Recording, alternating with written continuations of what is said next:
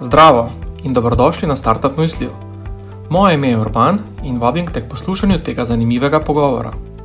Startup Mysliji so podjetniški pogovori s prepoznavnimi imeni domače in tuje startup scene, namenjeni deljenju in izmenjavi izkušenj, pridobivanju novih znanj ter širjenju mreže povezav. Na tovarni podjemov jih že od leta 2012 organiziramo v okviru programa Startup Maribor. Pa začnimo.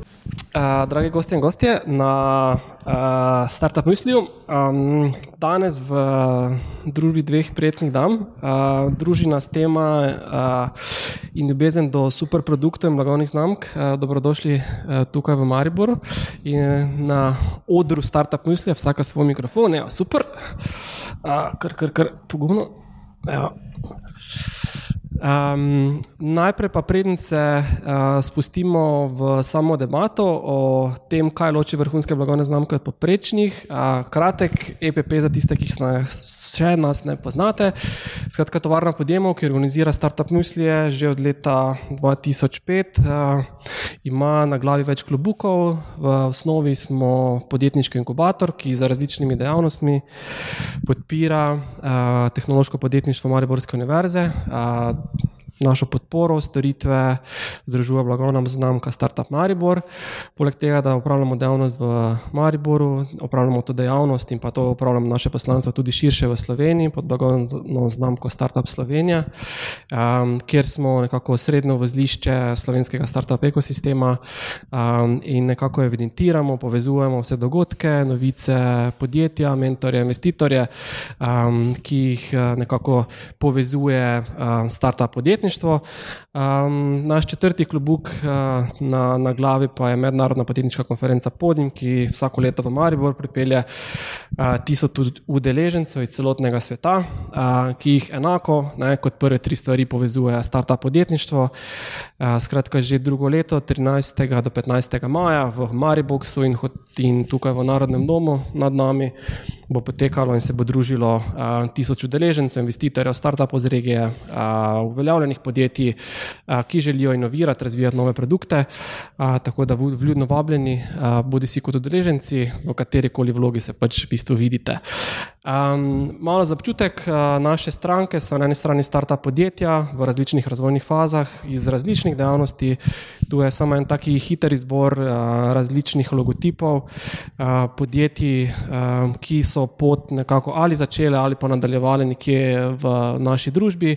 Uh, nekaj tudi zelo znanih blagovnih znamk, ki jih verjetno prepoznate, pa jih ne bi izpostavljal. V vsakem primeru, kdorkoli ima pač idejo, podjetje, inovativno, inovativno poslovni model in želi to hitreje, učinkovite razvijati, ali pa se mu je na tej poti zataknilo, več kot dobrodošli v naši družbi. Info na startupmaribor.com je elektronski naslov, kjer se oglasite za vašo idejo, ugotovimo, kje je vaš žuli čevelj in kateri flashter najbolj paše na vaš žul. Tako da vse storitve so zahvaljujoč agenciji Spirit um, in MGŠT za končne upravičence brezplačne, tako da to, kar uh, tudi naš dogodek uh, sofinancira uh, naše drago ministrstvo, zato da bo ne, uh, naša podjetniška prihodnost bolj svetla. Uh, podatek, uh, na katerega smo zelo ponosni, je to, da je 43 naših uh, procentov naših podjetij smo pripeljali do točke, ko so pridobili za svojo uh, idejo nek zunani vir financiranja, kar je v tem startup podjetništvu tudi še kako potrebno, ker te ambicije običajno ali pa zelo redko lahko sfinancirate z vlastnim kapitalom, zato pač obstajajo različni viri financiranja, ki jih nekako mi dobro poznamo in vam tudi jih pomagamo pripeljati v hišo. Evo, um, Današnji dogodek, oziroma današnji podcast, oziroma današnji pogovor bo se pridružil zbirke podcasta Startup Musli, v kateri je že več kot 80 posnetkov za našimi super zanimivimi gostmi. Um, lahko jih spremljate na vaši priljubljeni platformi. Če vam je všeč, dajte like, share um, in se pridružite. Še kratek EPP, od 20. do 22. oktobra bomo na tovarni podjemu razvijali podjetniške ideje. Startup Weekend eh, je dogodek, kjer je, kjer je namenjen vsem tistim, ki ste nekje na začetku, pa razmišljate o tem, ali bi to idejo štartali ali ne, ali je ta ideja prava ali ne, ali se splača ali ne, ali ima potencial ali ne. Skratka, cel vikend bomo tam in z vami in z mentorji brainstormali o tem, um, ali je se nekaj vredno spustiti ali, ali pa ne. Uh, in pa dva tedna kasneje uh, bomo pa za vse tiste, ki vas veselijo podatki, pa predvsem podatki, ki, z, ki jih zbirajo sateliti, ki frčijo nad nami, um, razvijali tehnološke ideje, ki pri svojih rešitvah uporabljajo uh, podatke evropskih vesoljskih programov um, in sicer v tako imenovanem Kasini mednarodnem hekatonu. Um, tako da, če vas še posebej veseli uh, satelitski podatki in kje lahko uporabimo te super satelitske podatke, evo, uh, 3. do 5. novembra na tovarni podjemo, sicer pa bomo naslednji torek tukaj govorili o tem, uh, kaj vse so satelitski podatki, kaj vse zbirajo in kako jih uporabiti v poslovne namene. Tako, evo, konec CPP-a, k mojim dragim gostjem. Melanja in pa Madeja, še enkrat dobrodošli tukaj v Mariboru. Um, kako se počutite, kak bi dan bil za vama? Oh, hektičen. Hektičen, ok, malo bom povečal mikrofon, ker blizu, prosim, če držite mikrofone, da bomo lepo jasno posneti. Zakaj je bil hektičen? Uh, zato, ker smo v bistvu v šoli uh, launčali glih nov tečaj in pa valjda vse delamo zadnji dan in pa je šlo vse narobe in z rednimi stvarmi in z izrednimi stvarmi pa s tem, da ne, bilo treba najti garderobo za danes, pa tako, pa organizirati se, v glavnem, pestro, pestro dan. Odlično, uh, Melanja, tvoj dan. Zdravo, moj dan je bil pa zelo kreativen. Uh, ukvarjala sem se z postavljanjem strategije, kopanjem med podatki, tako da s tem, kar naraj delam. Vrhunsko. Um, Začnimo z kratkimi predstavitvami. Gotovo ste si odeleženci uh, prebrali, kaj kdo sta Melania in Madeja, ampak vseeno na kratko je vedno super slišati iz vaših ust, kako vi sebi vidite, kaj je vaš, kdo ste, kaj počnete, um, kaj, kako ste povezani s tematiko današnjega dogodka. Evo, Melania, um, s, tabo, s tabo začenjam. Ja, um, jaz sem po srcu uh, športnica, sicer Mariborčanka, za ene 18 let sem pobegnila iz mesta, najprej v tujino, Čile, Amerika. Potem me je pot pripeljala v bistvu v, v Elan, kjer sem od produktnega razvoja, kategorij managementa prišla do vodenja blagovne znamke, tako na strani dizajna, marketinga in pa še vedno produktnega razvoja. In nekako po 13 letih sem prišla do tega, da poleg tega, da sem vmes že za kar nekaj znamk razvijala strategije, um, sem spoznala dejstvo, da resnično moja strast je iskanje tistega, uh, zakaj znamke ali pa podjetja delajo najboljše. In uh, sem vzela priložnost še v podjetju Marles, tako da nazaj doma, uh, kjer je srce. Dobro, v rodno grudo. Rekla si, da si bila športnica, malo nas še v tem uh, športnem ozadju povej. Ja, če si mari borčan, se takrat, ko sem bila otrok, ne, ali si bil nogometaš ali pa si smučal. Zdaj, glede na to, da sem punca, uh, sem nekako svoje otroštvo preživela na tem mariborskem pohorju. Um, zatem sem iz alpskega smučanja presedlala na telemark smučanje. Uh, tam sem celo prišla do naziva mladinska svetovna prvakinja. Tako da en tak drive za tisti biti na vrhu ne, in doseči največ, kar se da, uh, je v meni. Je bila tudi izbira športa Telemarka eh, ena taka strateška poteza iskanja konkurenčne pozicije eh, v svetu alpskega športa, eh, ali je to bila čisto ljubezen do tega Telemarka? Takrat še nisem poznala, kaj pomeni Blue Ocean Strategy. Preprosto na ključe, enostavno, kot, ko sem nehala alpsko smutanje, sem nekako rekla, ok, bordala ne bi pa rada bi delala karkoli drugega kot alpsko smutanje. Takrat sem se slučajno znašla za telemark reprezentanco, ker pravzaprav res ni bilo dosti ljudi v Sloveniji, ki bi te lahko uvedli v telemark smutanje na enem od uh, avstrijskih ledenikov. In uh, slučajno je bila tam tekma. In uh, slučajno je bila tekma takšna, da pravzaprav res nisi rabo naredil več kot tri telemark za voje, vse ostalo je bil smuk in sem zmagala. uh, tako da tista žilica tekmovalnosti se je zelo hitro prebudila v meni in uh, sem enostavno nadaljevala iz alpskega v telemark smučanje in potem naprej. Cool. Super, um, hvala za ta kratek uh, jedrnat uvod, uh, Amadeja. Izvoli. Jaz pa nisem športnica. Um, me pa vedno vse, ful veliko, ful različnih stvari zanimalo. Um, Tako da v enem trenutku sem se odločila, da mene pa bolj te neke kreativne, čeprav nikoli nisem znala hoditi dobro risati, da bi bila pa neka arhitektka ali pa nekaj tako, da nekaj tacga bi delala. No, na koncu sem pristala na NTF-ju, um, se izobraževala za grafično oblikovalko, nisem imela zid sledra in potem po sklopu na ključi končala na enem workshopu, kjer so se pa pogovarjali, okay, kako pa zdaj načrtujemo storitve, kako se pa pogovarjamo z uporabniki, kako prototipiramo. In jaz sem bila tako, oh, wow, ja, to, this makes sense, pač aloh, to, to hočem početi v življenju. Tako da, uh, in potem sem uh, pristala na misijo, kjer sem bila sedem let. Tam smo v bistvu razvijali uh, produkte za zdravstvo. Um, tako da v teoriji sem še vedno dizajner, kao, gla, uh, bolj se poistovetim s tem, da sem produktni človek um, in se vedno več ukvarjam s temi strategijami, uh, z načrtovanjem. Širše, kaj sploh rešujemo, kdo so naši uporabniki, kdo so naši stakeholderji. Okay. Um, en del stvari, ki jih pa počnem, je pa tudi uh, uh, UX šola Screensavers, ki smo jo pa še začrtali leta 2019 in v bistvu se ukvarjamo z upskillingom dizajnerjev v tej digitalni produktni sferi. Cool.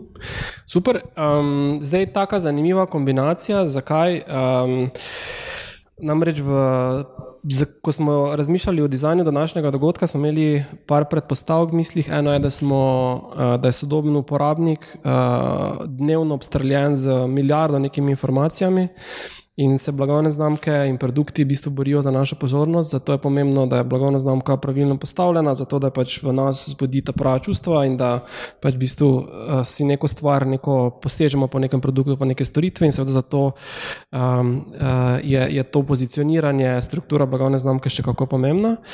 Po drugi strani pa je blagovna znamka, če je prazna lupina, zelo malo vredna, če ni zadaj super produkta. Zato je tukaj Madeja uh, in da se v bistvu sestavita oba dela te zgodbe zgodbe. Skratka, na nek način super domišljen produkt, upisan na kožo uporabnikov, in na drugi strani vse, vse, vse bi se super spozicionirano uh, uh, pod neko lepo pentljico, imenovano blagovne znamke. Tako da to je nekako. To je tudi tematika današnje diskusije. In dobrodošla vse skozi vaše vprašanja.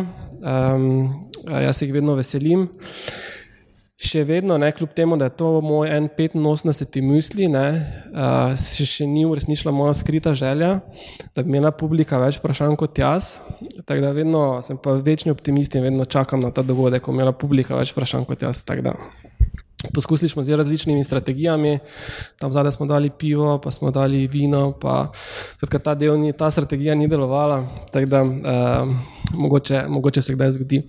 Skratka, v vsakem primeru postavite vprašanje in uh, namreč tukaj smo gostje uh, zaradi vas, da uh, jaz pa imam za dve uri pogovor tukaj pripravljenih vprašanj. Um, ok.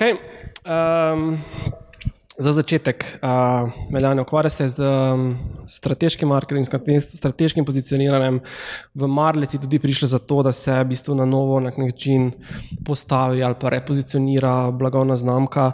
Zdaj, um, kaj so po tvojem, nekako, če se zdaj postavimo v vlogo tvojih klientov uh, ali pa tvojih učencev v nekem coachingu, kaj so po tvojih izkušnjah bistveni elementi blagovne znamke? In ali se pri tem svojem delu um, upiraš na kak, kako ne vem, uveljavljeno metodologijo, neko literaturo, imaš kakega vzornika, strokovnjaka, malo nam tako pošolsko pove, kaj ti dojemaš kot uh, blagovno znamko? Zelo široko vprašanje. Zdaj, vsako podjetje je v svoji zgodbi oziroma za svojimi težavami uh, bodi si startup, bodi si res uveljavljeno podjetje. Jaz verjamem, da je zelo pomembno, uh, da vemo, zakaj delamo, kar delamo. To je tisti namen blagovne znamke, namen, zakaj razvijamo produkt, kaj naslavljamo, kaj rešujemo. In tudi, tako kot se pri blagovni znamki vprašamo, oziroma želimo vedeti, kaj je naš namen, zakaj delamo, kar delamo, zakaj pridem v službo vsako jutro, zakaj sem nasmejana vsakeč, ko odprem vrata od podjetja. Enako pomembno je, da tudi, ko razvijamo produkt za uporabnika, da vemo, kaj je namen, kakšen namen bomo prešli. In zdaj, če je tukaj en strokovnjak, ki je ta namen, zakaj delamo, kar delamo, da Big Y je to Simon Sinek, on ga je prav zares izstrelil med zvezde in zaradi njega ga prav zdaj vsi poznamo. Čeprav smo, jaz mislim, da ga velano že uporabljali predtem, ker ne na zadnje vsako podjetje zna povedati, kaj dela. Potem jasno znamo tudi povedati, kako to delamo. Pa, ok, tudi če procesi niso zelo jasno definirani, lahko imamo tudi pri tem delu težave. Ampak tisti prav, za res namenje, pa dejstvo, s katerim ne le povežemo našo smer, kam gremo, oziroma zakaj gremo nekam, naše zaposlene usmerimo in ne na zadnje naše stranke, ker sploh mlajše generacije, starejše niti toliko ne, ampak sploh mlajše generacije so zelo kritične in želijo vedeti, kakšne namene. In tukaj je ena takšna znamka, ki jo spremljam že zelo, zelo dolgo, je Patagonija. Njihov namen, oni so pravzaprav in business to make the world better. Ne?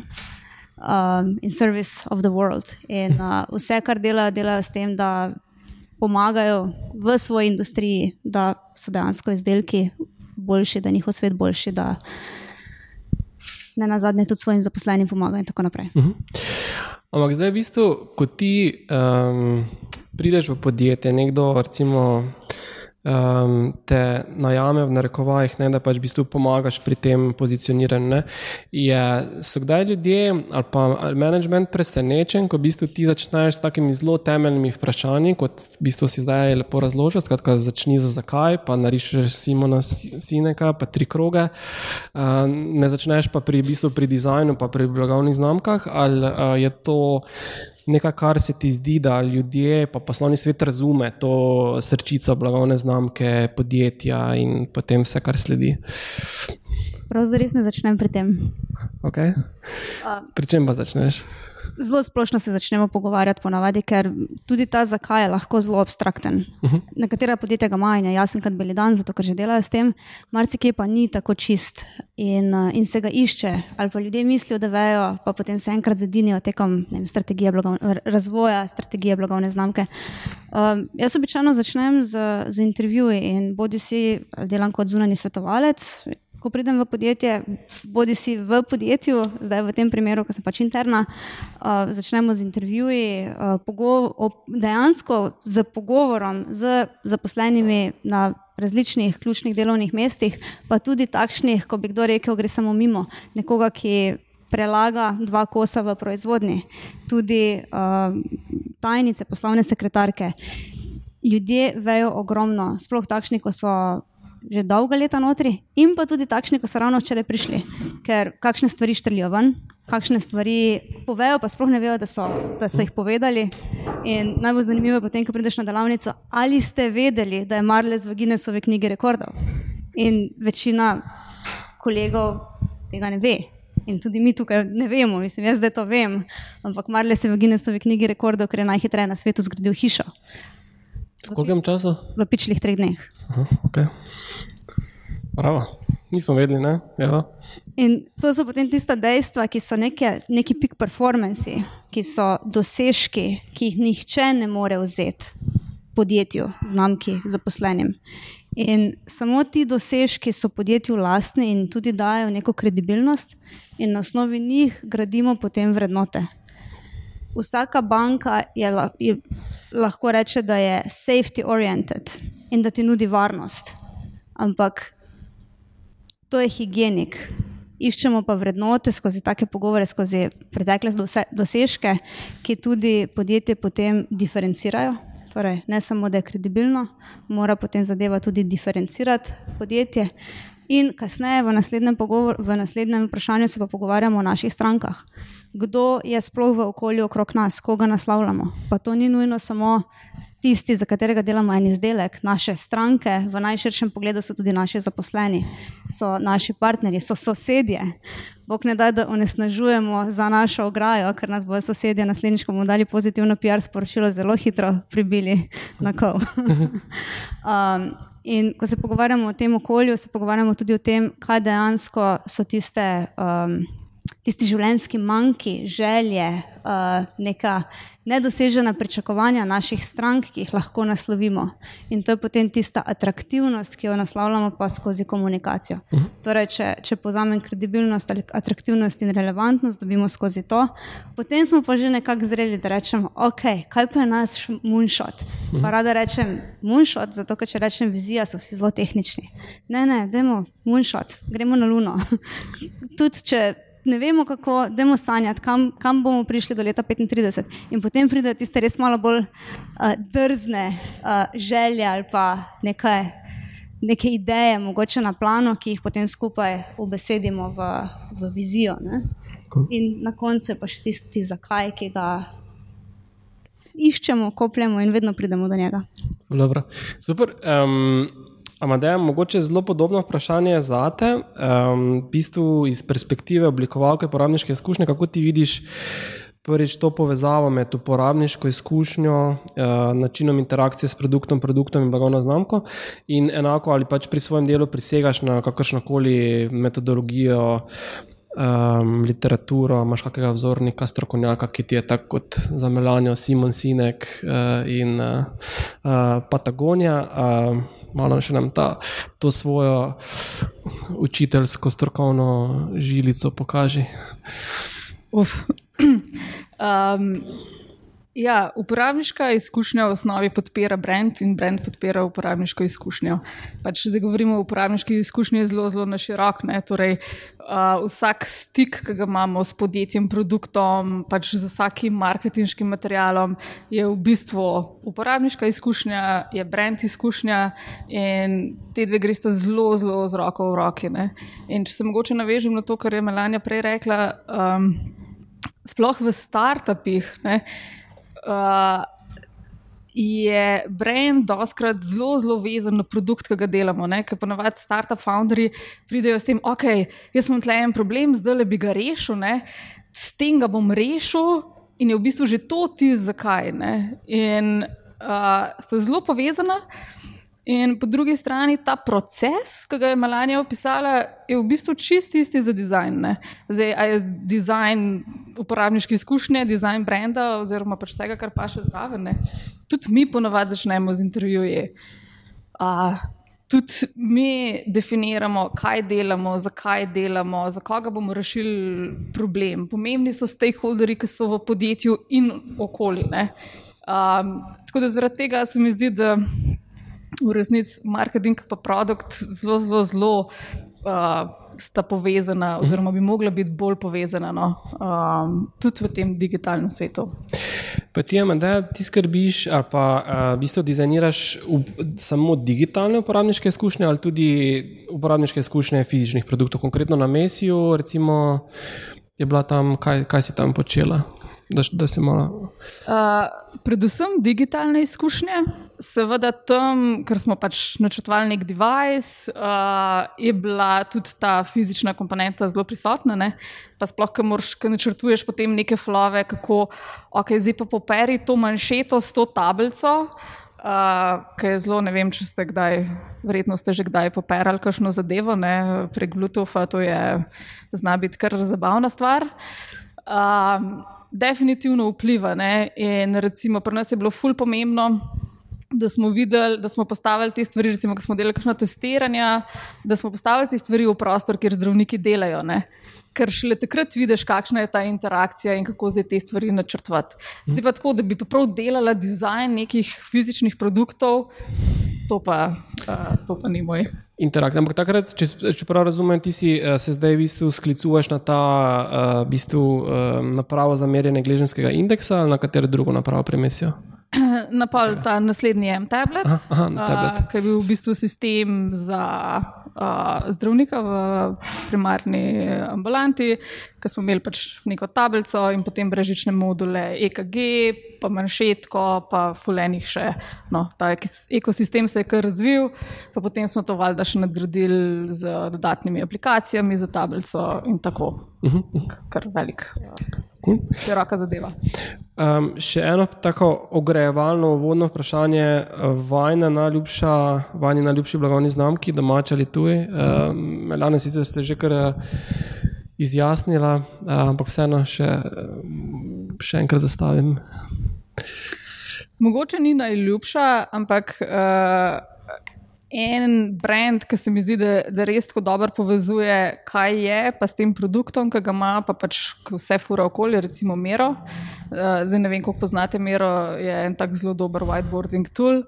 Um, in oni imajo zelo močan brand, uh, zelo konsistenten brand.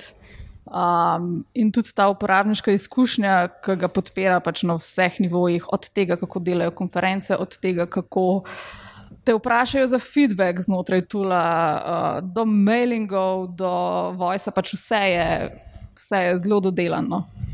Kul, cool, miro. Melani, še enkrat vprašanje. ja, en zelo zanimiv brand, ki sicer v Sloveniji ga nimamo, ne, je Uber, ki je pretresel kako so pač danes taksi, uh, kako taksi operirajo na svetu. Ampak kar je pa tam ključno, ne, oni so, ko so lansirali storitev, so resnično iz psihološkega vidika analizirali uporabnika. Pravzaprav ne gre za. Brand gre za produkt, ki me pritegne. Jaz sem pravzaprav produkt believer, ne? nobena znamka brez produkta ne more biti dobra znamka, vse ne na dolgi rok. In uh, oni so iskali pain pointe, kje so ljudje pač uh, nezadovoljni ali pa nervozni in skozi to analizirali, kaj dejansko mora narediti. In mi smo najbolj nervozni, takrat, ko ne vemo, kdaj, kdaj pride pica. Ne? In če pica zamuja, uh, smo, smo v stresu, pa ne zato, ker smo tako lačni, ampak zato, ker mogoče bi račel še na en sestanek, bi šel dati nekaj upravo in potem vse čas čakaš. In uh, Domino Pica je ravno to naredila, da ti uh, preko neke aplikacije ti razlaga, kako dolgo, oziroma v katerem stadiju je tvoja pica. In tudi, če zamuja, dejansko veš, in so ljudje bistveno bolj zadovoljni zdaj, če tudi pica je eno uro in pol pozna, uh, kot prej, ki je bila mogoče samo pet minut uh, v zamudi. In Uber je ravno to naredil, ko ti čakaš, ti pač tisti avtomobil se vozi po mapi in ga spremljaš in te pravzaprav res entertaina skozi celo čakanje. Uh, tako da so en tak servis, design, mislim, da so kar state, uh, statement naredili, no? uh mhm. -huh. vtis. Cool. Malo sem pričakoval, da boš rekla za tvojo najljubšo blagovno znamko, da boš rekla Elan, ampak uh, si me malo presenetila z odgovorom. Dobro, vprašanje je bilo, tisto, kar si poslal, pa sem zelo na brzino pogledala, sta bile dve znamke, ne, tako da ja, domača najljubša, pa absolutno Elan, še vedno sem smučarka um, po srcu in duši in uh, ja, tudi smučke že imam v, v Mariboru, ker čakam na prvi sneg, da grem na zgodno turno na vrh Pohorja. Novi prime time je že v garaži. Tudi. Cool. Um, mogoče še podobno vprašanje, pa bo podoben odgovor, um, katera um, produkt ali pa storitev, znova domače ali pa tu, je po mojem mnenju nekako ima najbolj poravnane vrednote komunikacije blagovne znamke za uporabniško izkušnjo, ki se zrcali tudi v uporabniški izkušnji. Po mojem je to že relativno enak odgovor postaneš pri miru, to je tvoj zadnji odgovor. Ja, recimo, lahko dodam še en spet design tool. Ne. Figma uh, je tudi nekaj, kar uh, spet zelo dobro pozna svoje uporabnike, zelo mododelan tool, uh, točno ve, kje probleme rešuje. Uh, in vse, kar delajo okoli tega, je pač te nagovori. So se kot uporabnik počutiš nagovorjenega, razumljenega. Okay, super, uh, Melane, bi še ti kak drug odgovor dala?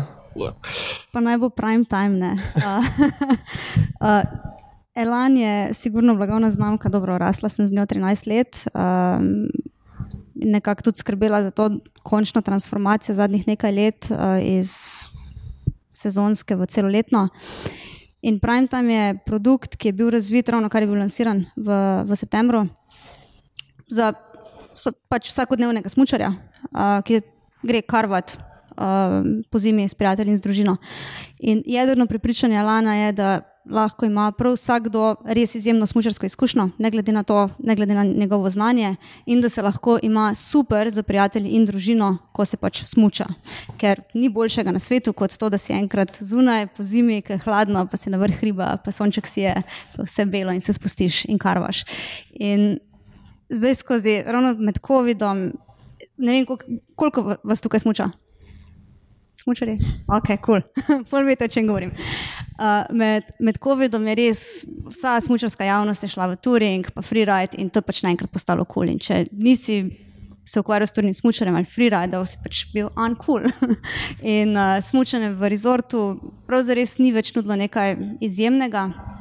In Elan v tistem svojem jedrnem prepričanju, da lahko ima vsak dobro, in dej, zavedajoč se dejstvu, da pravzaprav v rezortu smuča 80% vseh smučanjev globalno, si je dal uh, neko nalogo, da bo naredil carving spet kul. Cool. In z tega vidika se je razvila smočka prime time in se tudi iskalo, kaj so tisti pain pointi, kaj, kaj je pravzaprav neprivlačno uh, v, v alpskem smutku, in se je iskalo vse od voznih lastnosti do komunikacije, atraktivnosti, uh, tudi kre, kreiranja nekega poželenja, ne, torej creating desire skozi barve, skozi pač zdaj, ko, boste spremljali, če boste spremljali ne, tudi vizualizacijo, ki sledi produktu. Ne, je dejansko cel produkt je popolnoma drugače prezentiran bistveno bolj kot en Apple telefon, ne? kot pa ena klasična smočka, ki je bila pre, v preteklosti na smočišču, na robniku, v zavoju in zraven je pisalo prime time. No, zdaj jo boste videli malo drugače. Dobro. Um, hvala za ta uh, iz tvojega razložitve. Se je žarelo, da si to živela nekaj let in da si, da si del te zgodbe še vedno super. Uh, imate kakšno vprašanje? Na takim, tako ugrajevalno, ugrajevalni vod smo naredili, uh, pol urni, zdaj pa se vam je že kakšna misel, kakšno vprašanje odtrnilo. Kak, yeah. okay, uh, nadaljujemo, um, Meljane, pri tebi um, in sicer delala si za veliko ali pa za številne blagovne znamke. Um, zdaj, kaj je po tvojem mnenju um, tisti neki bistveni element? O tem si že govorila, um, ampak kaj, kaj si videla, da se pri teh posameznih uh, blagovnih znamkah najbolj razlikuje? Je to ta, zakaj ki loči eno blagovno znamko od druge?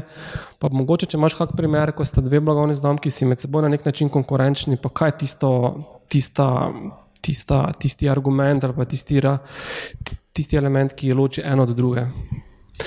Kje se dela razlika? Dobro, sigurno je več elementov. Ne? Večina teh resnično razlikovalnih je ljudem skrita, je pod tako imenovano ledeno goro. Uh, je pripričanje, namen, je, so tudi neki pretekli dosežki. En tak zanimiv primer, če vzamem smučanje, je, je Fisher in Pelan. Uh, Fisher sledi tekmovalnemu smutku in njihova komunikacija se vidi v tem, da smučar zapusti svojo ženo in dejansko so taki filmček posneli zjutraj ob petih, gre z lučko ven in gre v hrib in je pač sam tam na hribu. Elano smučar pa ja, še sedi za, za mizo, je 20 minut pozen. Uh, otroci so naredili vso nesnago za mizo, ampak grejo vsi skupaj ne? in se potem pač skupaj odružijo, smučajo in dejansko delijo te trenutke še za nekom. Ne? To je eno tako konkretno razlikovanje med dvema znamkama, pa obe sta v redu. Uh, so med nami tisti, ki resnično želijo iti zjutraj po petih sami, ker jim je to drive. Ne? In te ljudi bistveno bolj naslavlja Fisher, medtem ko Elan pa je rekel, naslavlja tiste, ki želijo preživeti svoj prosti čas v družbi, z prijatelji ali z družino. In bojo šli na vrh hriba z nekom, še z nekom in bo, mu bojo pomagali na vrh. Mhm. Bodo dva dvignila roke, se bodo slikala skupaj, medtem ko pač ti bo pa sam selfie naredil. In oboje je pravilno. Ne? In v, sploh v neki industriji je pomembno, da, da znamke najdemo jasno že iz svojega ja, prepričanja, ne, tisto, kar smo v, v, v srcu, v jedru, v preteklih dosežkih, ne, uh, sploh pri starejših blagovnih znamkah, ni to na osnovi nekega founderja, ki ima sam idejo, pa jih potegneš jih potem nekaj za sabo. Ne. Uh, pri starejših blagovnih znamkah je treba izkazovati še toliko močnejšo pozornost, pa spoštovanje do vsega, kar je bilo v preteklosti narejeno, ker to so tisti dosežki, kot sem že prej rekla, ki jih nihče ne more vzeti, mm. ne, ki so najbolj relevantni in dajo tudi neko kredibilnost znamke. In sploh, če se na tistih gradi, uh, si lahko močnejši, imaš istočasno priklic v preteklost in neke izkušnje, ki ti pomagajo v, v prihodnost. Tako da znotraj industrije je zelo pomembno, da, da najdemo svoj prostor. Ne? Um, super misel, hvala. Um, Amedeja, znova bolj vezano, če obrnemo to vprašanje na uporabniško izkušnjo. Um, skratka, na eni strani imamo, torej, vsak produkt rešuje nek problem, to, kar je, kar že sko, vse skozi govorimo. Kako? Upamo. Upamo, da upamo, da rešuje nek problem. Uh, skratka, ima neko obljubo vrednosti do našega uporabnika. Um, zdaj, na drugi strani pa se to mora odražati v uporabniški izkušnji. Ne? Zdaj, kako to dvoje povezuješ, kako ti, kot v bistvu nekdo, ki pač uh, snuje uporabniško izkušnjo, izkušnjo, um, kakšni so neki koraki ali pa postopki, da prideš do tega, da neka obljuba vrednosti uh, se potem uporablja ali pa zrcali v samem produktu, v, v uporabniški izkušnji. Kakšni so ti koraki, na kaj treba paziti? Um, Pa mogoče, če imaš kak primer, super pozitiv, taki ful dobro vzorčen primer, pa kak je mogoče primer s kakim, s kakim izzivi. Um, to je v bistvu zelo dobro vprašanje. Um, tako kot sem že omenila, ne, vedno začnemo s tem, torej, kje problem rešujemo, pa za koga oziroma komu. In kakšna je njihova percepcija, pa kakšne so njihove potrebe.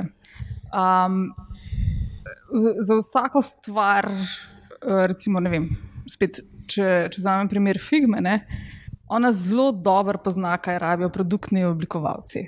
Ne, in oni so naredili točen tak tool, ki odgovarja na te potrebe, ki so specifični izzivi v dizajnu digitalnih produktov. In tam je produkt, ki je narejen zato, da več ljudi lahko sodeluje znotraj njega in uh, delivera te stvari nekim developerjem. Ne. In celotna izkušnja je potem oblikovana v skladu s temi potrebami in jih pač tudi tam nagovarja. Zdaj, kako se ta brand. Uh,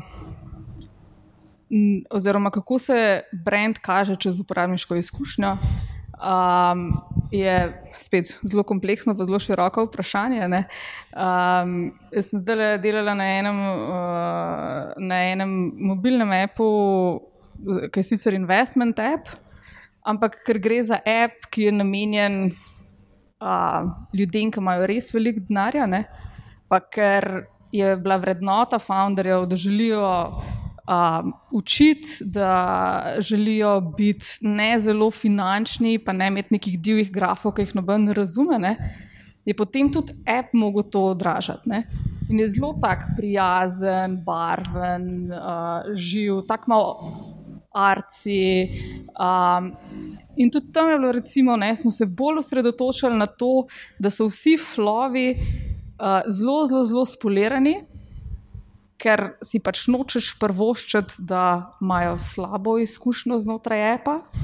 In je to bolj pomembno, kot to, da je treba hitro pivotirati, pa hitro fulejnih featurejev vendati, pa preveriti, kaj bo delovalo. Um, tako da tu se je proces. Odvisen, kam greš, odvisen, kdaj hočeš tja priti, um, pa s kom. Ej, eno tako zanimivo vprašanje. Uh, kaj je po vašem mnenju, vse to, kar razlagate, je, um, ali pa konkretno za to, kar si rekla, moraš razumeti problem, ki ga rešuje, koga naslavljaš in tako naprej. Zdaj, to je zelo na nek način logično, pa, uh, pa, pa jasno. Ne? Zdaj, pa, zakaj po eni strani prihaja do takih uh, v bistvu čudnih situacij, da daje, da daje podjetja na trg produkte ali pa storitve, ki so nerodni, ki niso pisani na kožo uporabnikov, ki ne rešujejo um, potreb uporabnikov, kje nastane ta ta razkorak. Konkretno, ne vem, Figmo je kupil Adobe za nekaj milijard. Ne? Kako en taki Adobe, ki ima za sabo vem, 30 let zgodovine izdelave digitalnih orodij za uporabnike, snovalce digitalnih izkušenj, hudiča ni izkužil in, in naredil desetkrat boljše Figme, kot pa je Figma naredila. Zakaj pa tvoje mnenje? Vsi so probali. Recimo, specifičen primer, ne, oni so delali Adobe XD, ki je prišel na trg, mislim, da celo pred Figmo ali pa mečken prej. Um, jaz mislim, da njim ni ratal. Po eni strani zato, ker nimajo notranjih procesov tako nastavljenih, da bi veliko časa preživeli, pa se pogovarjali z uporabniki, pa kaj si zares želijo. Um, pa malo je bilo tudi odvisno od časa, ko so vstopili na trg. Um, ker oni so pač v enem trenutku ugotovili, da ne morejo tako dobro razvijati, pa tako močni biti na trgu, kot je recimo Figma, ki je že pobrala zelo velik market. In da je pač lažje dati par milijard in pač kupiti Figmo, in je pač v bistvu bila to potem strateška uh -huh. odločitev. Uh mhm. -huh. Ampak to so take velike firme, se to lahko grejo na tak način. Ne? Ali po tvojem mnenju ravno to razumevanje, boljše razumevanje uporabnika, njegovih potreb, navad, uh, uh, nekih vzorcev delovanja, priložnost, da neka novo nastajajoča podjetja, nove storitve, nove produkte, v primerjavi z nekimi uveljavljenimi mastodonti, ki imajo veliko denarja in že uveljavljen brand, recimo na eni strani, kako je, pa to je kar vprašanje za, za obe.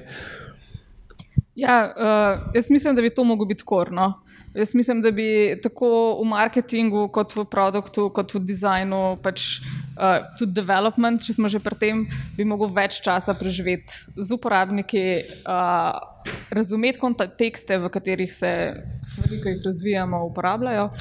Um, zato, da potem lahko naslavljamo specifične izzive, da vemo, kje je naša niša, recimo, ali pa naša razlikovalna vrednost, da to lahko potem izpostavimo. Um, in v bistvu edini način, da to vemo, je pač, da preživljamo ta čas uh, s tistimi, za katere pač stvari sploh delamo. Uh -huh. In um, mislim, da je to ena, ena od teh stvari, ki jo pač. Ptički čivkajo že 10-15 let, ne, pejte ven, pa ki jih kot founderjem vedno težimo, pejte ven, pejte se pogovarjati s temi ljudmi, za katere delate. Ne? Ampak ful nam je komod pisati kodo, pa dajati feature ven, pa tam pa upati, da nam bo ratal, pa se bomo tam vse analitike naštimali, pa bojo tam uni podatki, pa bomo vse štekali, pa neč ne štekamo, pa, sam, ne, pa imamo ful nekih assumptionov, ki jih ne preverjamo. Um, in manjka nam ta kul kultura ali pa želja uh, ali pa razumevanje, da je, da je vse v resnici nek eksperiment. Ne? In da vsak ta eksperiment je treba meriti, kar tudi v marketingu uh, je zelo pomembno. Ne? In pridati nazaj z rezultati, ugotoviti, kaj je delovalo, kaj ni delovalo, in pač to izboljšati. Pač Se ti, zdi, um, se ti zdi, da je to malo um, povezano tudi s to našo tako malo uh, evropsko kontinentalno introvertiranostjo, da pač nam je fulbol fajn poslušati, pa ne postavljati vprašanj, pa ne idvem, pa ne nekoga gnjaviti, um, pa, pa biti doma zaprt, pa, kot pa pač primerjavi z neko zahodnjaško ekstrovertiranostjo, ki je pač full feedback, skozi sprašujejo, um, skozi so najbolj glasni, skozi sprašujejo, postavljajo vprašanja. Ja, definitivno. Sej, uh, to se recimo vidi tudi pri salesu. Um, ponovadi na vseh teh sales seminarjih ali kamorkoli prideš, pa ti rečejo, da uh, smo se prišli naučiti eh, prodajati, pa so vsi tako, ja, sam pet ven, pa se pogovarji. To je to, kar moraš narediti. Ne, ne vem, uh, v Ameriki je to nekaj, kar je zelo open, je treba prodajati, je treba se pogovarjati, je treba sprašvati. Um, nas je pa fino kodo pisati. Okay. In tem so tudi dobri. Veljane isto vprašanje, ja, mogoče ja, se jaz, vrnemo. Jaz bi tudi dodala, večji kot je trg, ne, večji kot je stake in the game. uh, težje je narediti nekaj novega, drugačnega, zato ker se enostavno zaposleni ali pa ljudje, ki so oblikujejo znamko produkte, se bojiš. Zdaj, kako v nekem ustaljenem procesu, skozi vso, celotno tudi prodajno verigo, ne? morda imamo direktno prodajamo, morda imamo dolgo prodajno verigo.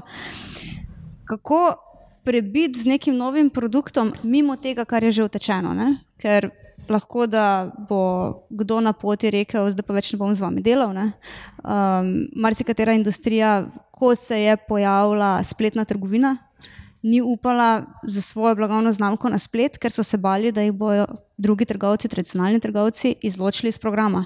Pa se so jih, morda en. V celotni poplavi vseh trgovcev, pa pravzaprav je bilo zanemrljivo, ampak to so bila, bila leta strahu. Kaj pa bo, če gremo na splet? Na splet? Mm. pravzaprav res nič ni bilo. Um, bi pa se pridružila temu prepričanju, no, da je res potrebno razvijati z mislijo na uporabnika, skupaj z uporabnikom. Noben produkt zaprt v eni kapsuli ne more biti uspešen na dolgi rok.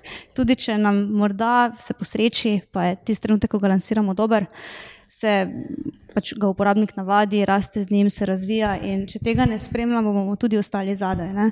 Tako da imeti ta pogum. In tudi marsikaterega kolega v marketingu, produktnem razvoju, tudi v prodaji, je strah vprašati. Zato, ker sploh v našem prostoru smo zelo vzamemo osebno te stvari. Ne? Pa noben ni tega osebno naredil. Pač naša blagovna znamka, naša storitev nekje na poti je nekdo naredil napako in zdaj je nekdo razočaran. Dajmo to slišati, pogledati, kaj se je zgodilo, in še bolj pomembno, preveriti proces, kaj lahko izboljšamo, da bo naslednjič ta storitev boljša.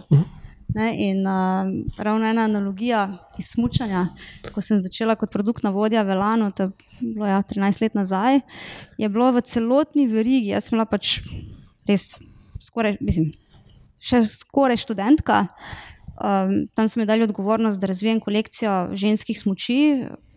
Jasno, performance je bil definiran, delali smo bolj ali manj na izgledu. In okrog mene, torej delala sem ženske smoči. Moj šef je bil moški, te distributerji so bili moški. Trgovci, ki so prišli na sestanek in so zbirali smoči, so bili moški. In tudi prodajalec, tisti bajer na koncu za trgovino, za Hervis v Mariboru, je bil spet moški. In bolj ko smo poskušali z nekimi privlačnimi, vsaj za žensko populacijo, motivi na smočkah, bolj so nam razlagali, da, pač to, da se to ne bo prodalo, da je to brez veze, da ja, ne more biti smočka vijolične barve, ker pač to se ne proda in da takšne jakne ni v trgovini. No, potem smo šli kontra in smo naredili uh, pač fokus mitinge, torej sestanke, srečanja z uporabnicami, ampak ne samo z tekmovalkami, tudi z mamami, z hčerkami uh, iz mednarodnega prostora in smo pač punce skupaj pogledali, ne samo baro, tudi komunikacijo, tudi uh, neke, rečemo, um, produktne vizuale, tudi kako. Na koncu že tudi, kako naj produkt se smuča, kakšne so tehnološke značilnosti. In največji dosežek je bil, da tam čez ene približno pet let smo predstavljali grafike, smočke in so distributerji vprašali, ali ste imeli fokus meeting z dekleti. Ja, smo ga imeli. Ok, pole pa v redu. Nismo sigurni, ampak če ste s puncem to potrdili, gremo dalje in so tudi se smoči leta in leta prodali kot daleč najboljše v celotni industriji. Obeti ste tudi omenili ta nek strah pred neuspehom ali pa strah pred pisanjem neko soočitvijo z soočenjem z argumenti. Ne? Zdaj, eh, če se še lahko malo vrnem na Elan, mislim, Elan je že uveljavljena blagovna znamka. Um, pa je zdaj pa imel v preteklem letu, mislim, da nadpoprečne rezultate na ameriškem trgu. Pač, zdaj, to je vseeno bila drzna, mislim, to je nadpoprečno stežek za eno uveljavljeno blagovno znamko in ste vseeno mogli biti drzni, da ste ta zdaj bom rekel, stene, ker si še bila uh, takrat del, um, Elana, uh, dosegli ta preboj. Zdaj, vseeno, kaj, kako, kaj so bili mogoče strahovi, ki ste se soočali s tem nekim produktom za ameriški trg in kako ste jih presegli? Ker to vseeno ni bilo, ne, uh, sama si omenila, da za velika uveljavljena podjetja je je iskanje teh nekih niš lahko tvegano, nezaželjeno, ljudje se bojijo sprememb, nočejo sprememb, niti zaposleni, niti distributerji. Ne? Kaj bi svetovala, kako ste se tega lotili, uh, kaj, svoj, kaj si svojim zaposlenim zmešala v juho ali pa v čaj preko silo?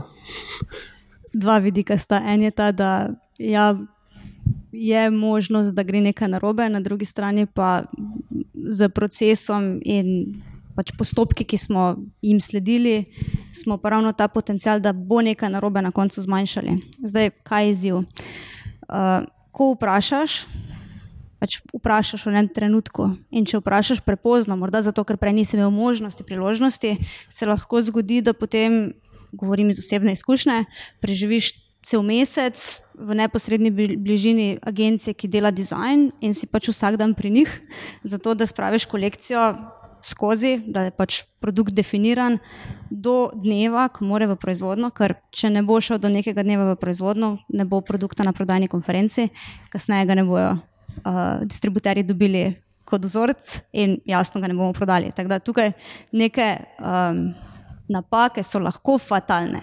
Uh, na drugi strani pa je pomembno, da vse te napake tudi beležimo, da, da vemo, koliko časa neka, neka sprememba terja, in da poskušamo to celo časovnico umestiti čim bolj sistematično in v čim bolj načrtovanem načinu. Torej, mi smo.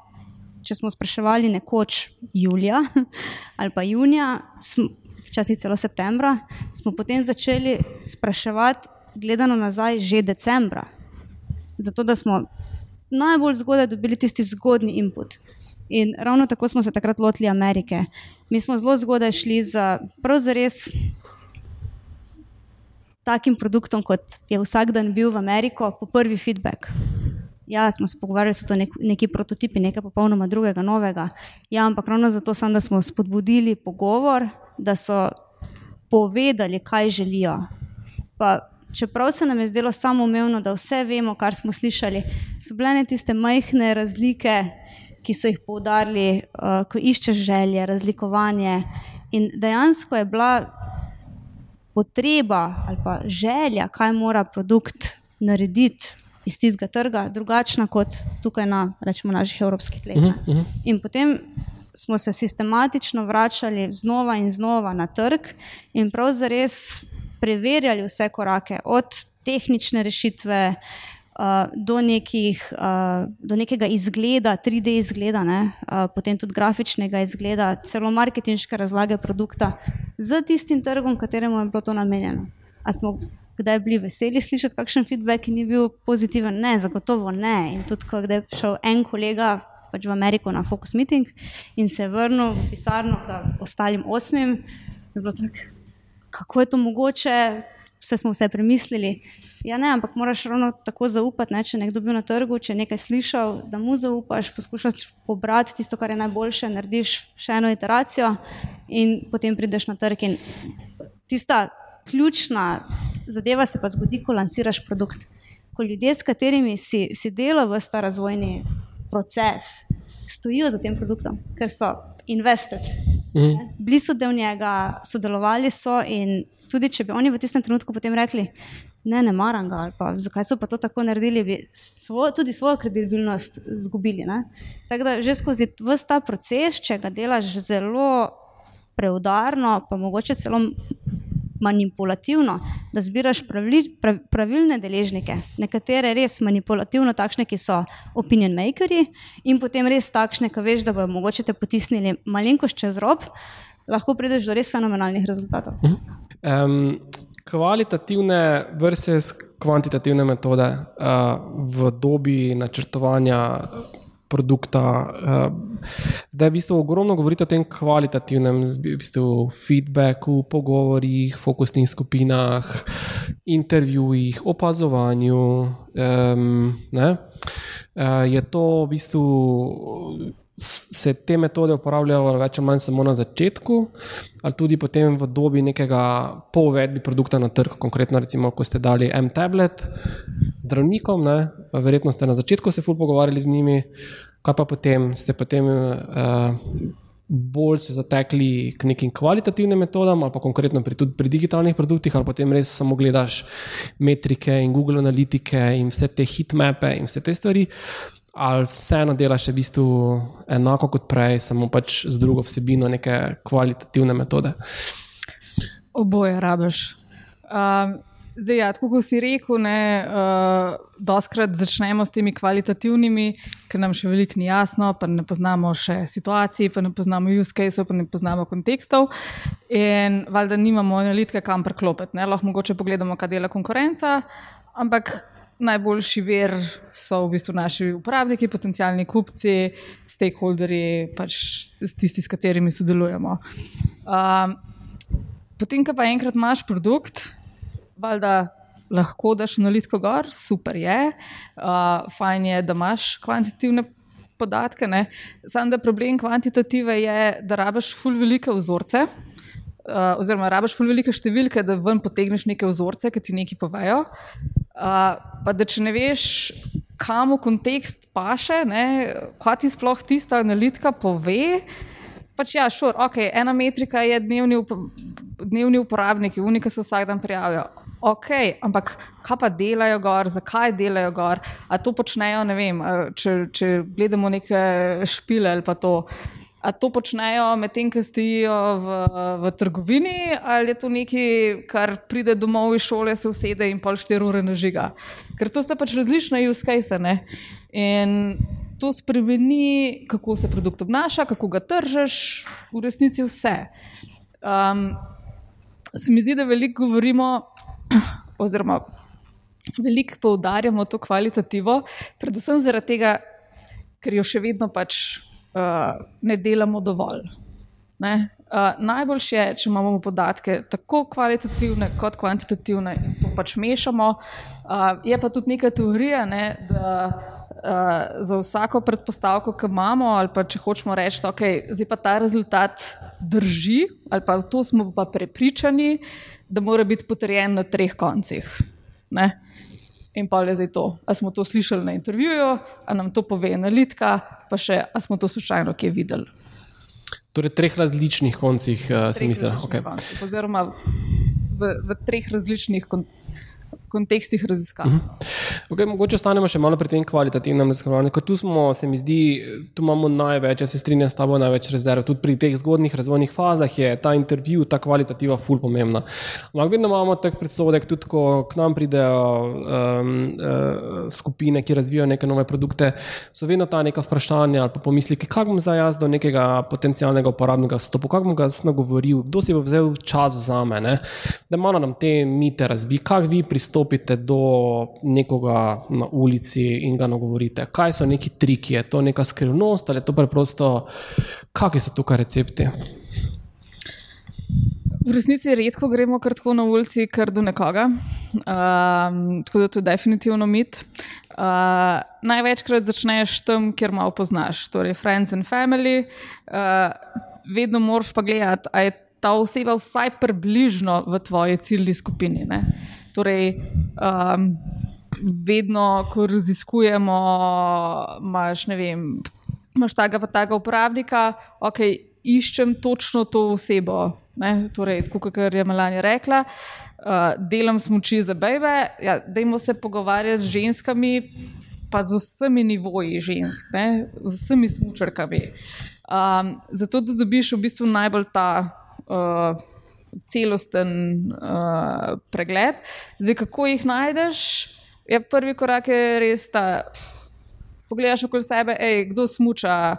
Če v moji familiji noben ne smuča, a smučajo tvoji frendi, a lahko ga, ne, uh, a lahko ga potegneš, a mi lahko pomagaš. Um, do teh ljudi je pa tudi najlažje, oziroma najlažje se z njimi pač pogovarjati, zato ker smo pač najbolj komod, ker smo lahko sproščeni. Uh, In v resnici te kvalitativke niso nič bolj posebenega, kot pač nek pogovor, kot ga imamo zdaj. Um, je pa seveda malo uh, art tudi, kako postavljati vprašanja. Oziroma, uh, potem se uh, founderji me vedno vprašajo. Ja, kaj pa če bom jaz zdaj šel ne, in bom tam uh, vprašal, kaj hočejo, in pa bom dobil seznam stvari, ki jih oni hočejo, da razvijemo, in pa bom jim to razvil, in pa bo štala. Ja, zato, ker pač ne vprašaš, kaj hočejo, pogovarjaš se o prototipih, daš jim kaj, poka daš jim kaj pokazati, naj si pogledajo, naj primejo roke, naj poklikajo, naj testirajo, uh, naj ti dajo feedback. Je, kot je Melania rekla, ga pač ne maramo včasih slišati, ne, ker pač naši, naši baby. Um, in tako da se v bistvu pogovarjaš o čim bolj konkretnih zadevah. Ne. Pa tudi, da ti dajo v bistvu zgodbe. Ful dobro vprašanja so, a mi lahko poveš na zadnje, ne vem, če delamo nek nov streaming servis na zadnje, ki si gledal Netflix, kaj točno si počel, ali mi lahko razložiš zgodbo o tem. Ne? Ker v bistvu iščemo ta obnašanja, um, kako ljudje sploh razmišljajo o teh zadevah, kakšni so njihovi mentalni modeli, če se jih je strah, kaj jih veseli, kje so te oportunitete. Eno podprašanje, vem, da si delala tudi uh, v bistvu zelo take ne rekel, dolgočasne projekte. Ne? Ampak zdaj na eni strani se s temi uh, pogovarjamo o smočkah, pa o Uberjih, pa skratka takih, ne, uh, tak saj sliši se ful zabavno. Na drugi strani pa imamo ogromno uporabljamo pri svojem orodju, pri svojem vsakodnevnem delu neka, neka orodja ne, interno. Ne? Za večje družbe si razvijala interne. Uh, uh, interna orodja, ki pa služijo nekim notranjim procesom. Uh, Zdaj, ta, tukaj veljajo popolnoma enake zakonitosti, in ali ste k tem raziskovalnem načrtovanju pristopili popolnoma enako, ali pa ste pristopili popolnoma enako. Skratka, nek CRM in ERP, ki je neskončno manj zanimiv in znemirljiv kot. Uh, Um, ne, neka smočka uh, je, je, kako pristopite k temu. Greste v pisarne, opazujete ljudi, kako uporabljajo obstoječe sisteme, se z njimi pogovarjate, je ta del enak ali tu kakve, so kakšne razlike v tem, nekaj mogoče bolj B2B, narekovaj, da bo častem delo. Uh, Drugač, eh, načrtovati eh, pa delati za ledne sisteme je full exciting. Mogoče sicer ne, mogoče ne zgleda res na ven, ampak uh, kompleksnost je amazing. Uh, tako da, če kdo rad rešuje probleme, vabljen v ta svet. Um, v resnici je pristop zelo podoben. Mi tudi, ko pride naročnik mi gremo k njim, se najprej pogovarjamo, okay, kakšni so sploh vaši cilji, kaj delate s tem tulom, kakšni, kakšni sistemi so zdaj, vse te sisteme zrišemo, ne vem, načrtujemo črnije, kako oni to uporabljajo, se pogovarjamo z vsakim ali pa pač z nekim naborom ljudi, ki te stvari uporablja, um, ker seveda bojo to pač najverjetneje isti ljudje, oziroma pač bojo to nekomu enkrat predali. Um, in In ja, seveda, to je še toliko bolj pomembno.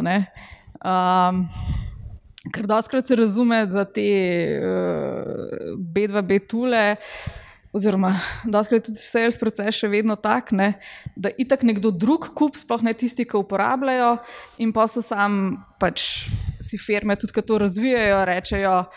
Eh, sej v bistvu moramo samo prodati temu, ne, za tega mora lepo izgledati, ki kupuje, košljivi uporabniki, si oni itak morajo to uporabljati. Ne? Ampak to je grozno, meni se to zdi grozno. Zaradi tega imamo v zdravstvu uh, ljudi, ki pač nočejo uporabljati več tehnologije, ker so bili prisiljeni uporabljati take zadeve zdaj 20 let. Mm. Um, in se ta škoda dela. Tako da vedno je treba razumeti, komu je namenjen, kaj hoče s tem doseči, kakšen je cilj. Jaz sem pa eno spodbudo za vse, ki se ful bojijo vprašati. Um, jaz sem bila v svoji karieri dosti krat zelo, zelo omejena z budžetom. Ne? Ena fokusna skupina je ful poceni. Ok, vzame ful časa, ne? pa malo poguma, ne? da dvigneš telefon, pa pokličeš kolega, ej, imaš, kdo iz tvojega kroga dela to, pa to, pa to. Um, ampak ko se vsedeš s temi uporabniki, ja, eno mehko darilce in daš in so full happy, pa full so tudi happy, ker nekako v jedru, to, kar smo, radi pomagamo so človeku. Ne? In se bo vsak potrudil in delil svoje mnenje. Se ni tukaj neka konkurenčna prednost, ampak pač pove svojo uporabniško izkušnjo, um, pa morda se celo nadeja, da bo produkt, ki ga bo dobil, potem resnično nekaj, kar bo lahko uporabljal. Ne? In so uh, željni dati dobre informacije. Razen časa, res zadeva ni tako draga. Mhm. Medtem ko vse raziskave pojejo kar nekaj in časa, in denarja, pa še moraš jih potrditi. Vsaj iz še enega, če ne dveh drugih zornih kotov, kar se popolnoma strinjam. Moje izkušnje so take, da je samo podatek z raziskave, dokler ga ne opariš še z nečim, je popolnoma prazen. Mm, mm. Cool. Gremo naprej. Um, ali je sam produkt, to je zdaj moja teza, pa me zanima vaše mnenje, ali je sam odličen produkt, sam po sebi dovolj za izgradnjo močne blagovne znamke. Zdaj damo eno tezo, skratka, uh, Appleovi produkti in Steve Jobs in Apple filozofija, ki je začel. Um, uh, Steve je bila, v bistvu, da je produkt kot tak dovršen uh, do skrajnosti in je sam za sebe v bistvu blagovna znamka. Um, kako se strinjate s to hipotezo? Um, imate kakšne kontraprimere v eno ali drugo smer? Super produkt, bedna blagovna znamka, neuspeh na trgu, uspeh na trgu, malo kakšne take um, primere. Jaz mislim, da Apple ni samo produkt, čeprav je vrhunski produkt. Uh -huh. Vse v trenutku, kadar, pač, ko so ga lansirali, zdaj je že mnogo podobnih, ne, pa mogoče več ne odstopa do take mere. Ampak v tistem samem začetku je bil nekaj popolnoma drugačnega. Tudi percepcija, kako si ga uporabljal in kako so ga predstavili, je bila drugačna. Uh -huh. um, moje prepričanje je, da lahko je marketinška zgodba še kako dobra, če zadaj ni produkta, če bo uporabnik razočaran, bodi si, ko bo hotel spiti vodo ali pa ko bo šel v hotel, um, bo šel samo enkrat. Um, Tako da brez produkta ne gre. Je pa lahko samo produkt tisti, ki se pač prodaja. Ne? Mnogo krat smo videli res nekoga, ki je zelo, zelo neroden, pa ima dober produkt. Uh, sploh dosti krat v gostinstvu vidimo, je pač nekdo, ki ima fantastično hrano. Pa vse okrog nič ne štima, ampak ima pa fantastično hrano, ima polno, ima vrsto. Ne? Tako da ja, ima izjemen produkt. Uh -huh. um, tako da moj pripričan zaključek, samo produkt ja, samo marketing ne. Okay, super, uh, se strinjaš s to tezo? Um, ja, jaz bi se kar strinjala. Um, je pa vseeno uh, brez, brez dobrega marketinga. Um, z dobrim marketingom je vse, vse lažje. In z dobrim brandom, oziroma ko imaš to sinergijo med brandom in produktom, za katerim stojijo iste vrednote, uh, za katerim stoji isti UI, pač to je potem res ta zmagovalna kombinacija. No? Da se vse, ne, pa pol sploh na začetku, ki si startup, mogoče nimaš, nimaš denarja za vse, oziroma se nam zdi, da je treba delati fulejnih stvari. Um, ja, žrtvuješ eno stvar za drugo, pa nekaj narediš prej, pa nekaj narediš kasneje. Ne. Um, ampak ja, oboje skrb zmagovalno, drugač uh, pa ja, dober produkt. Kaj pa, kaj, pa, kaj pa, mogoče samo dveh stvari bi se še dotaknil. Eno je v bistvu generacija Z, recimo, ta super, nekako mlada generacija, ki je digitalno super pismena, um, in, in se mi zdi, da jo imamo, ne bom stavil sebe kar zraven. Um, v bistvu težje razumemo, ali pa težko razumemo, imate kakšne recepte, kako se vidi, vid, vi dve soočata s to razumevanjem te generacije, ki bodo prihajajoči potrošniki, um, ta glavni. To je eno vprašanje. Pa drugo vprašanje je, koliko se načrtovanje teh uh, v bistvu novih produktov, pa uporabniške izkušnje pri storitvah, ful razlikuje od, recimo, od, od produkta kot takega, kot enega izdelka. Pa mogoče začnemo z generacijo.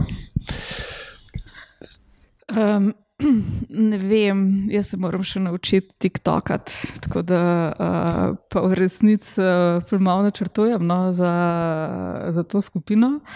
Um, verjamem pa, da ko se bomo šli z njimi pogovarjati, bomo tudi se potrudili, da razumemo, kaj rabijo in bomo pač to naredili. Okay. Izjemna istočnica. Jaz se še nisem srečala direktno, ne, z načrt, tudi ne z načrtovanjem produkta ali uh, komunikacije za generacijo Zene, ampak uh, ja, po, treba se je soočiti, treba se je srečati, pogovarjati in skozi to tudi priti do nekega razumevanja. Ne. Samo gledati nekoga oddaleč in se ga bati, kako ga bomo pa zdaj naslovili, ne bo šlo. Okay. Skratka, prisega ta, da pač preverjen recept, samo pač druga ciljna skupina, uh, pač v osnovi bo pripeljala do razumevanja tudi pregovorno zelo nenavadne, čudne uh, ciljne skupine, ki je noben ne razume. Ja, sigurno so pa tukaj tudi druge metode. Uh, lahko jih tudi opazujemo. Ne? Dosti krat že samo z observacijo dobimo mnogo informacij. Ne? Uh, dosti krat je tudi pristop, uh, če nekaj sprototipiramo in lahko pač ciljnemu uporabniku, rečemo, nove generacije, tudi damo produkt uh, ali storitev in ga tudi skozi to opazujemo. Um, tako da več pristopov je, ni zdaj samo fokusna uh -huh. skupina. Uh -huh. um, lahko so tudi intervjuji, lahko so poglobljeni intervjuji um, in skozi to pa črpamo. Cool. Še kaj se dodati? No, vodilo, ki ga imam jaz, je, da uh, assumptions are the mothers of all fuck ups. Okay. To je pač. Strinjam. It's very simple. Uh, super. Um, pa potem še drugo to podvprašanje, ali del drugega vprašanja, storitvene, torej storitvene inovacije, storitvene razvoj storitvenih produktov, blagovne znamke, v čem razlikuje, uh, koliko ste imeli izkušnje s tem, z nekimi storitvami. Uh, smo tudi že načrtovali storitve, uh, zdaj razen tega, da mislim tudi digitalni produkti so dosti takrat storitvene. Um, ampak, ko govorimo pa tudi bolj o fizičnih storitvah, je razlika samo ta, da je ponovadi digitalni samo eden od teh touchpointov, samo eden od teh stičnih točk. Uh -huh. In imaš pač več priložnosti, ki jih načrtuješ in oblikuješ um, uporabniško izkušnjo.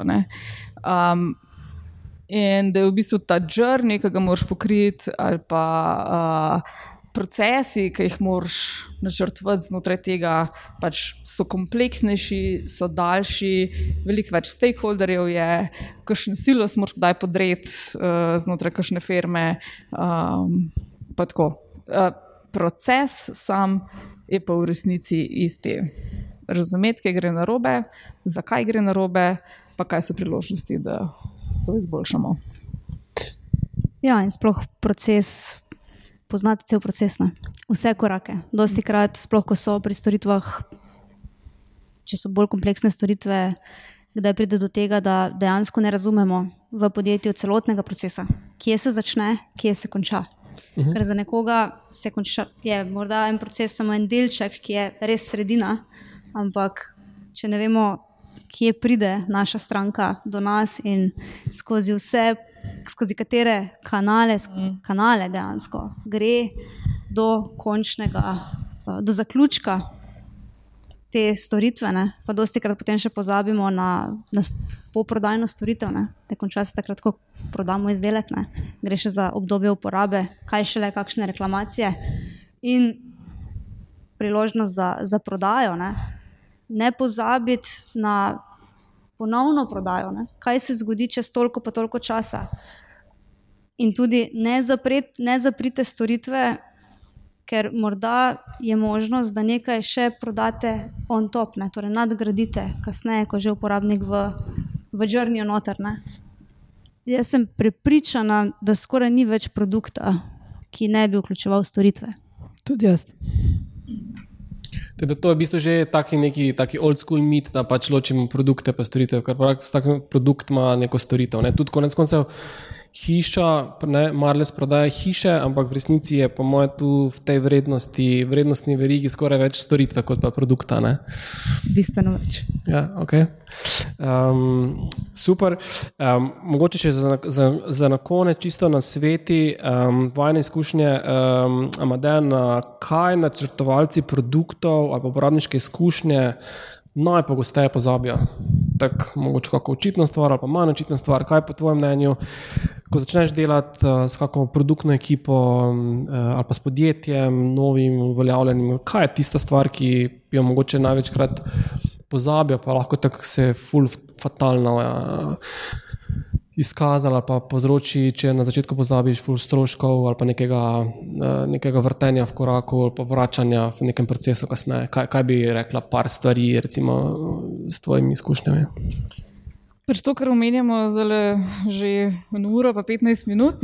Pul se že ponavljamo, ne? Ja, Moramo zaključiti. uh, je v bistvu to razumevanje. Uh, Doskrat pričakujejo, kakšni naročniki, da uh, bom jaz začela delati, ne, da bom takoj skočila v Figmo in tam se bo zdaj neki skrini začel dogajati in bomo fultone. Jaz pa pa začnem težiti, ej, pa moramo se s tem pogovarjati, pa moram jaz zunim na sestank, pa si tako čak, zakaj, pa si boš ti, pa ti tam mene skrine zrišeš, pa mi to malo pogledamo, pa bo, ne. Ja, ne, ne. In, uh, ko se prehitro zaletimo ali v dizajn ali v kodo, um, ful, ful hit, ful lahko izgubimo neke priložnosti. No. Če pa že spustimo ta del, pa gremo takoj vem, v neki MVP, ali lahko to čim prej nekako preverimo. Pa da imamo to tako, ja, da imamo pej. Pejmo z nekom na kavo, pa mu pokažemo stvari, pa da se o teh stvarih pogovarjati. Um, to je un del procesa, ki je v resnici najbolj pomemben, pa največkrat ga, ga spustimo. Um, vsako priložnost, ki imamo za to, da dobimo feedback na stvari, ki jih naredimo, je treba izkoristiti. Um, to. Cool. Hvala. Jaz imam pa še en model in sicer pri, sploh pri načrtovanju ali produkta ali komunikacije. Uh, pogledam potrebe, želje in pa tudi strahove. Ker dosti krat pozabimo na ta tretji del, na strahove, tistega, kar bo pač stranka kupila ali pa dobila od nas. In to je pa delček, ki ga je potrebno resnično dobro razdeliti v komunikaciji in, in ga tudi nagovoriti iz pozitivne strani. Ne? Ampak strahove v kakšnem smislu? Lahko daš kakšen primer, kaj je bil strah pri katerem koli produktu? Kaj bi rekla, da je torej, ali strah uporabnika ali strah tistega, kaj, kaj bi kot primer dala? Recimo? nekdo, ki je starejši ali pa naših let, tukaj, katerih koli odraslih let, uh, pa še nikoli ni smučal, ga je zagotovo strah, da se bo poškodoval, ali pa ga morda strah, to je lahko en strah, drugi strah je morda, da uh, ne, bo, ne bo pasal v, v kulturo, ne? da bo stikal, uh, ali pa da ne bo pravilno oblečen, da, da se bo usmešil. In uh, če to veš, to poskušaš potem nasloviti s komunikacijo. Ne? Bodi si ne vem, z nekimi nasveti, bodi si da resnično pokažeš, kako se produkt uporablja, ali pa da zelo jasno pokažeš, kaj vse še pa še zraven. Um, na tak način, mhm. ali pa sploh pri, pri hiši je strah, da bo ne, a teh 16 kvadratov v eni sobi, ali je to res dovolj prostora, ali ni, ne? tam gledaš en tloris. Um, hišo načrtuješ v povprečju ena cela nekajkrat v življenju. Ne? Torej, večina nas enkrat v življenju. Nimamo nobenih izkušenj, pa gre za največjo investicijo, pa marsikdo se zakreditira do konca življenja za njo. Ne? Pa nikoli še nismo tega delali. It's scary. ja, ja, dobro. In to potem nagovoriš skozi ta neki proces načrtovanja, komunikacije, interakcije z uporabnikom, da te v bistvu strahove pač eliminiraš. Ne? Najprej pa seveda jih moraš ugotoviti. Ne? Moraš jih ugotoviti, ne? ene eliminiraš, že skozi to, da mogoče storitev dodelaš, uh, nekatere nasloviš z, z pojasnilom, z tem, da si dejansko desna roka stranki in jo usmerjaš skozi neke um, točke, ki so morda kritične.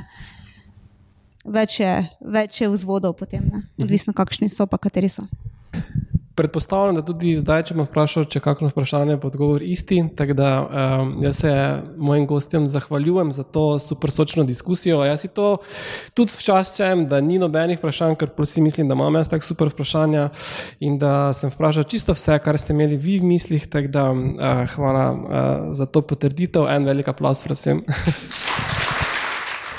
Ti je bilo všeč? Da ne boš zamudil novih epizod, klikni subscribe. Veseli pa bomo tudi tvoje ocene, komentarja in delitve, da za nas vedo še druge radovedne glave. Pobrskaj po naši bogati zbirki pogovorov, gotovo se v njej skriva še kaj zate. Se slišimo!